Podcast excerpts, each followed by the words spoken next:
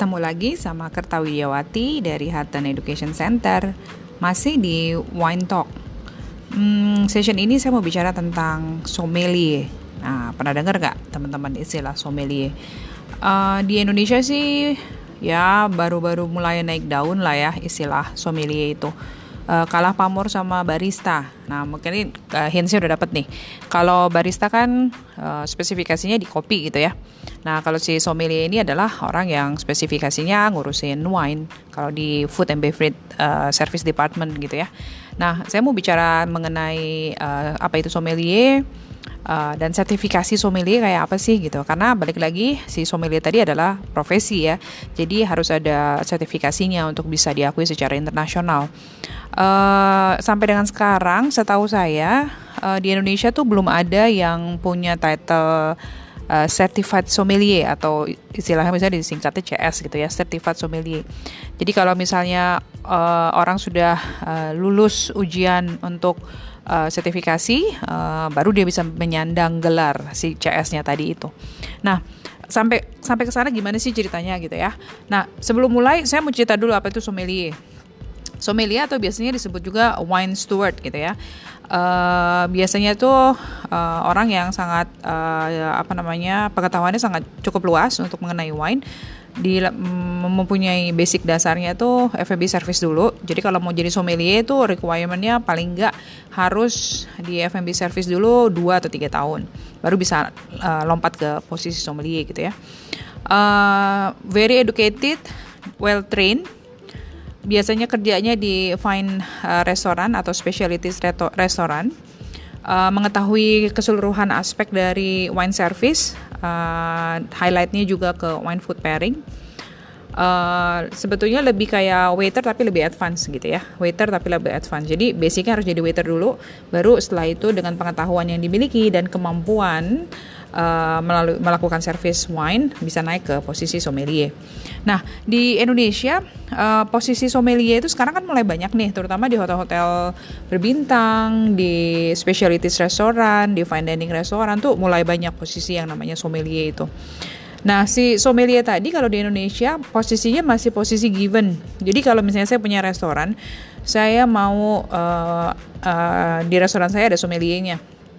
Terus saya lihat dari staff saya mana yang kira-kira paling educated, paling ada talent lah, tahu dikit lah tentang wine.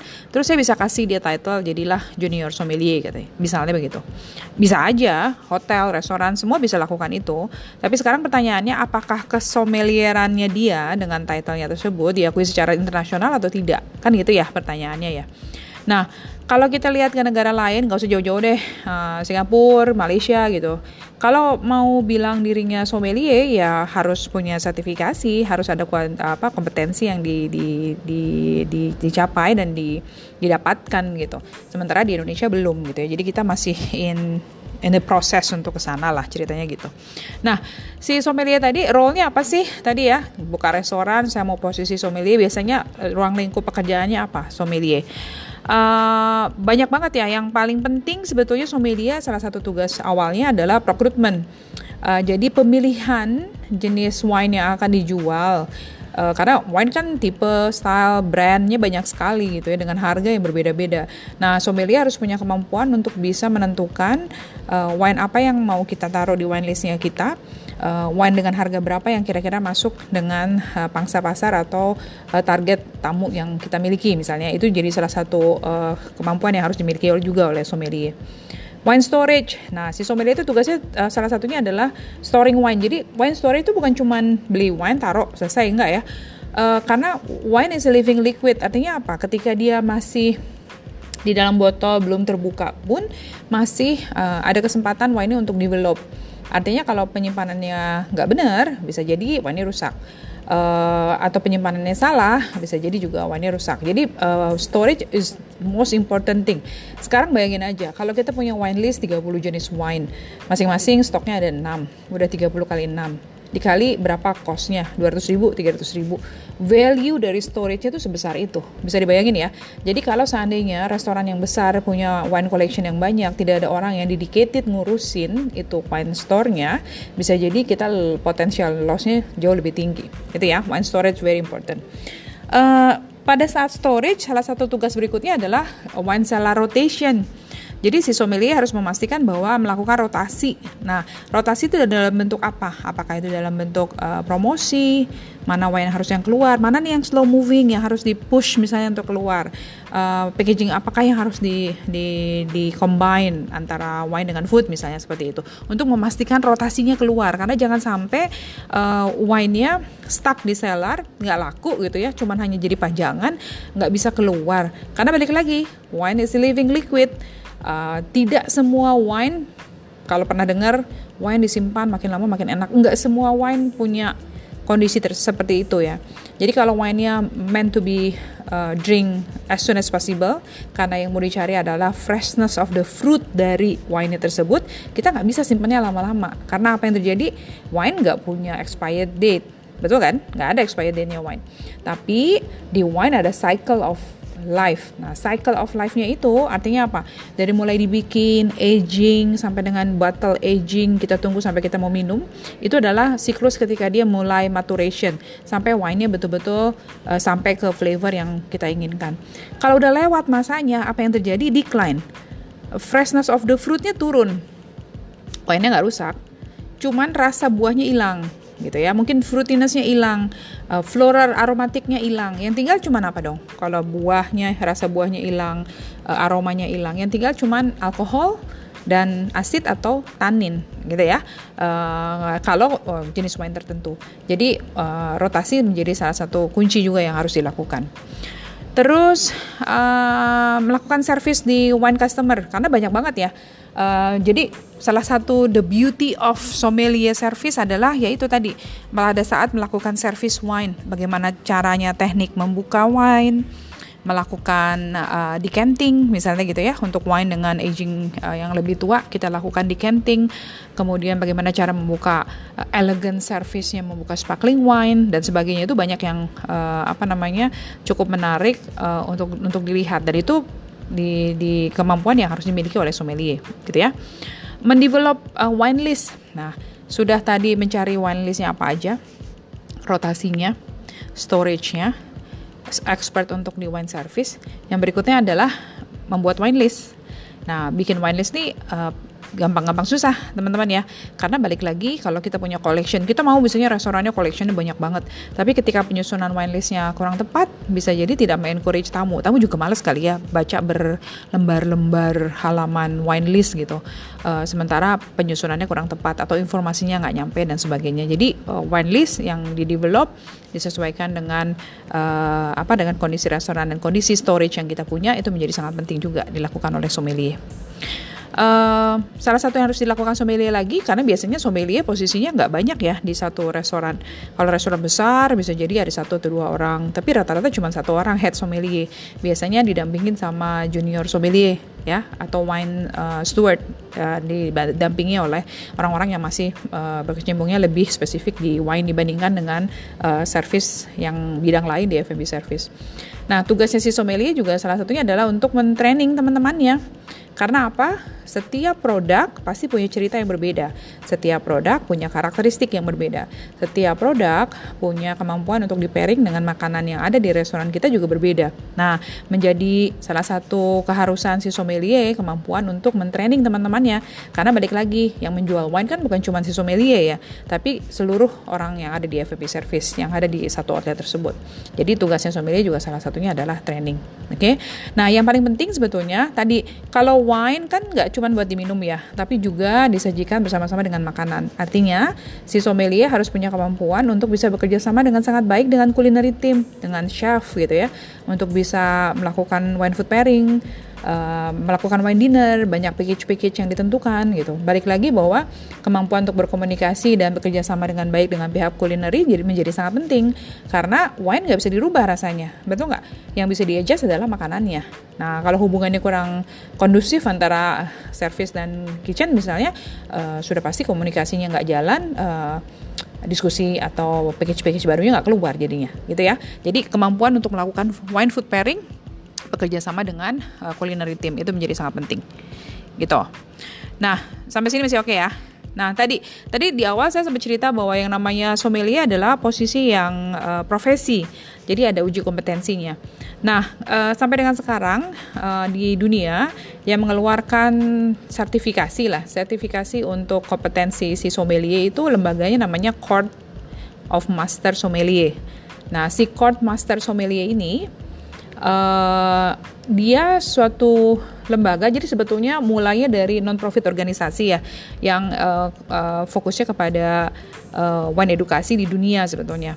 Nah, sampai akhirnya melakukan sertifikasi juga.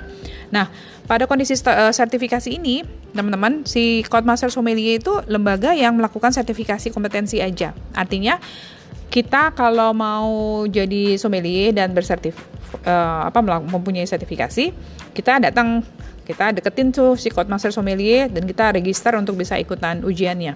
Sayangnya di Indonesia belum pernah ada uh, jadwal untuk pengujian di Indonesia.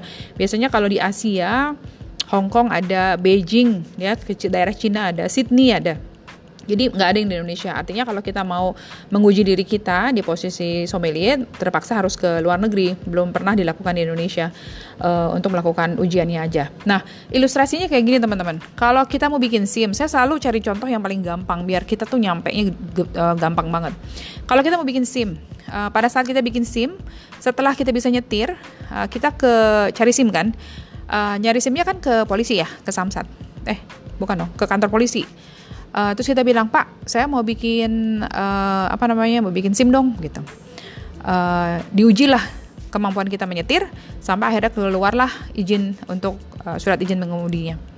Nah, pada saat kita belajar nyetirnya, kita kan nggak ke polisi. Belajar nyetirnya kita ke kursus mengemudi, benar nggak?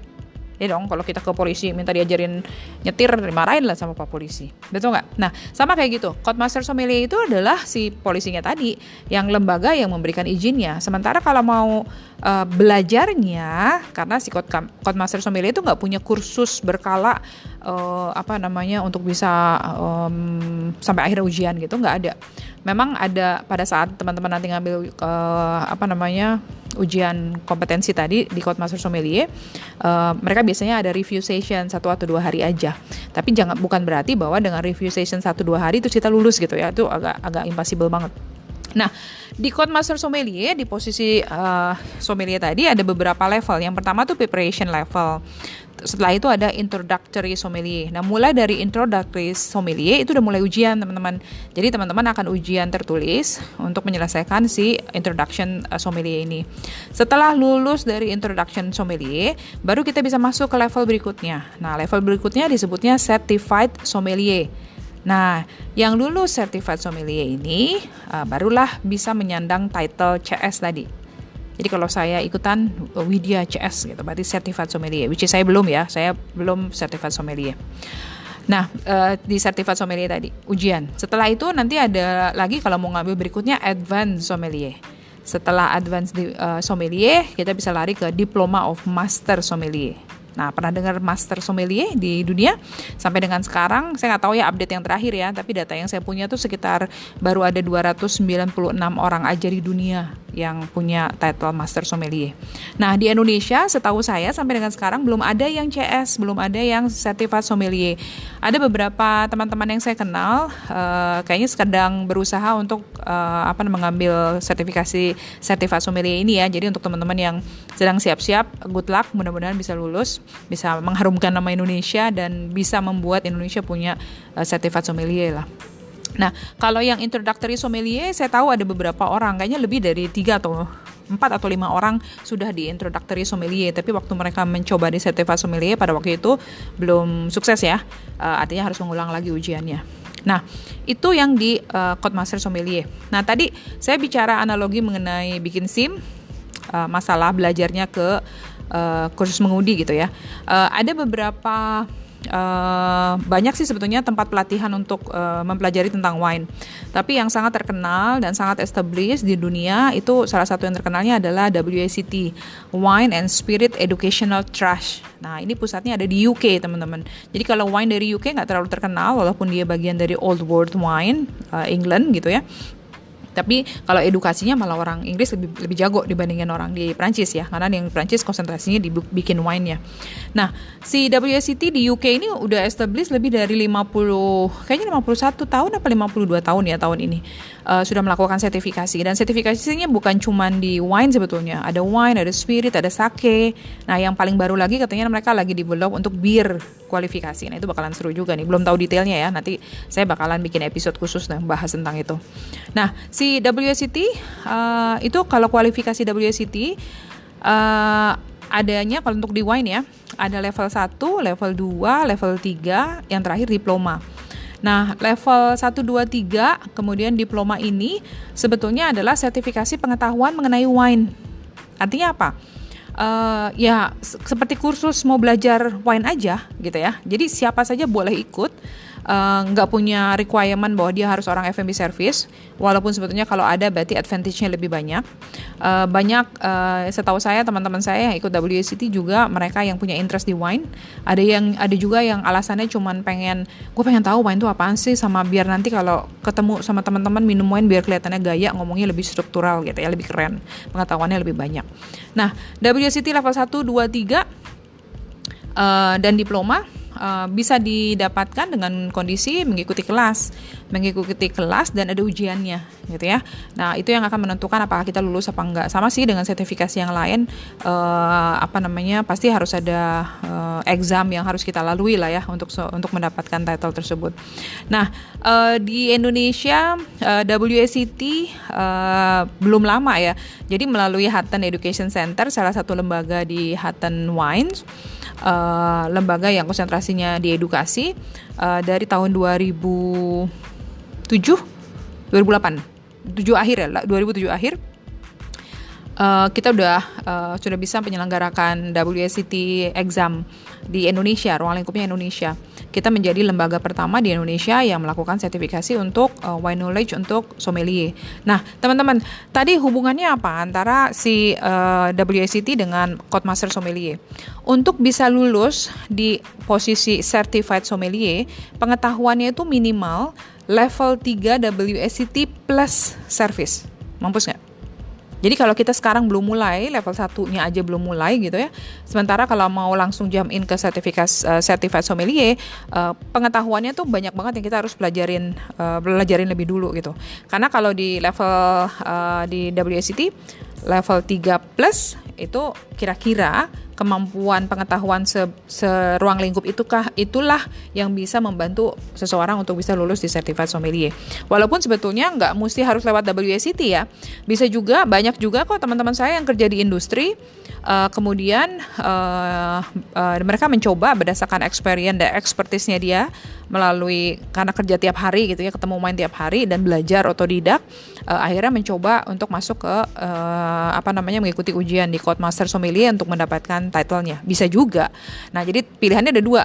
Apakah mau belajar textbook struktural uh, full guidance melalui WSET atau mau belajar sendiri berdasarkan experience terus uh, ngikutin silabus yang ada di Code Master Sommelier untuk bisa uh, lulus di ujiannya. Gitu ya.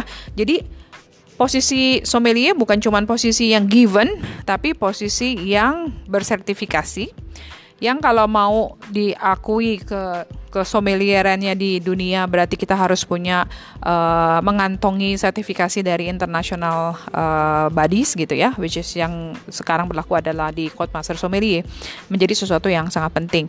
Walaupun sekarang uh, very appreciated karena market juga menerima posisi sommelier jadi sangat uh, baik sekali ya penerimaannya. Sekarang banyak banget properti yang cari posisi sommelier. Balik lagi tadi melihat dari fungsinya dia, tugas dan tanggung jawabnya, uh, posisi sommelier cukup menjadi penting.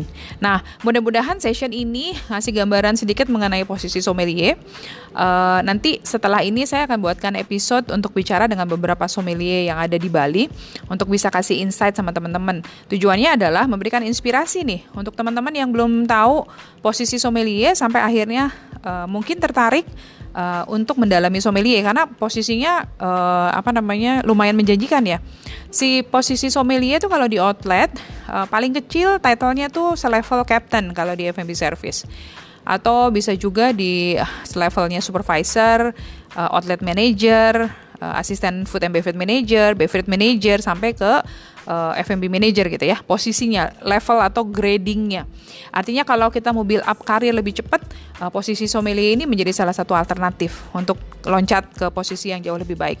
Ada konsekuensi? Ada. Tadi kan udah denger ya kualifikasinya seperti apa aja. Jadi uh, itu salah satu uh, apa namanya?